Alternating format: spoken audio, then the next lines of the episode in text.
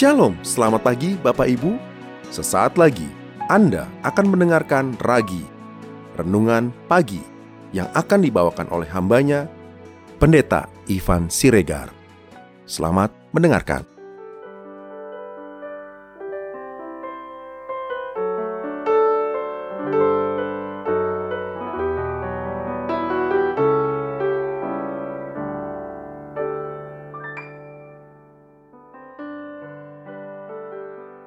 Shalom Bapak Ibu Saudara Ragi hari ini dengan judul Berkat kepada anjing yang terambil dalam Matius 15 ayat 21 sampai yang ke-28.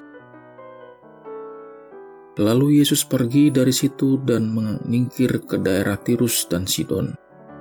Maka datanglah seorang perempuan Kanaan dari daerah itu dan berseru, Kasihanilah aku ya Tuhan anak Daud, karena anakku perempuan kerasukan setan dan sangat menderita. Tetapi Yesus sama sekali tidak menjawabnya.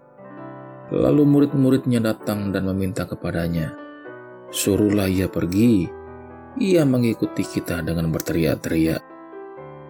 Jawab Yesus, Aku diutus hanya kepada domba-domba yang hilang dari umat Israel. Tetapi perempuan itu mendekat dan menyembah dia sambil berkata, Tuhan, tolonglah aku. Tetapi Yesus menjawab, tidak patut mengambil roti yang disediakan bagi anak-anak dan melemparkannya kepada anjing. Kata perempuan itu, benar Tuhan. Namun anjing itu makan remah-remah yang jatuh dari meja tuannya. Maka Yesus menjawab dan berkata kepadanya, Hai ibu, besar imanmu, maka jadilah kepadamu seperti yang kau kendaki. Dan seketika itu juga anaknya sembuh. Bapak, Ibu, Saudara, kalau kita secara sesama membaca ayat firman Tuhan ini, maka akan timbul sebuah pertanyaan mengapa Tuhan Yesus berkata kepada orang yang sedang memohon pertolongan kepadanya dengan panggilan anjing. Padahal kita tahu kalau istilah dan sebutan anjing kepada orang lain adalah sebuah penghinaan, pelecehan, dan kasar. Mengapa Tuhan Yesus menggunakan kata anjing dalam kasus ini? Karena memang orang-orang Yahudi zaman itu menganggap orang-orang Kanaan lebih rendah dari mereka dan menjuluki orang-orang Kanaan dengan sebutan anjing.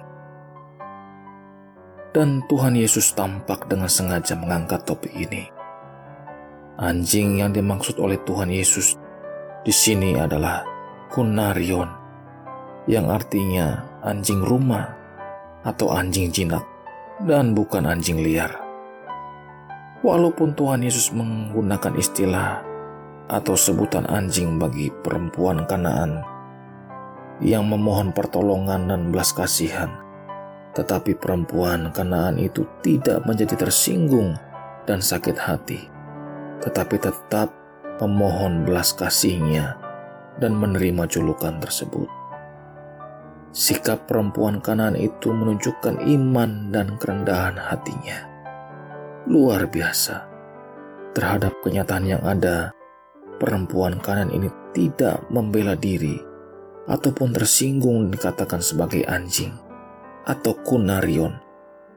Namun ia mengambil kesempatan dari setiap kata yang diucapkan Tuhan Yesus bahwa anjing akan memakan remah-remah yang jatuh dari meja tuannya. Seorang perempuan dari kalangan kafir berani menembus batas-batas budaya, gender. Tetapi inilah yang membuat hati Tuhan Yesus kaku.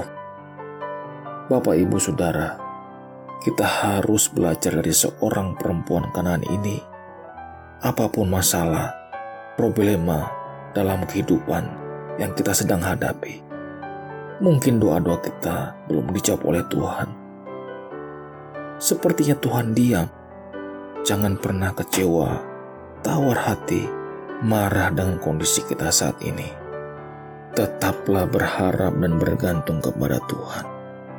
semua yang kita alami sekarang ada dalam kendali dan kontrol Tuhan. Tuhan pasti memampukan dan memberi kita kekuatan untuk bisa melewati setiap musim di hidup ini. Tetaplah menyenangkan hati Tuhan di dalam segala perkara. Kiranya Tuhan memberi kekuatan kepada kita semua. Sola Gracia. Terima kasih. Anda baru saja mendengarkan Ragi, Renungan Pagi, Persembahan, Gereja Suara Kebenaran Injil, Making Life Better, Balikpapan. Tuhan Yesus memberkati.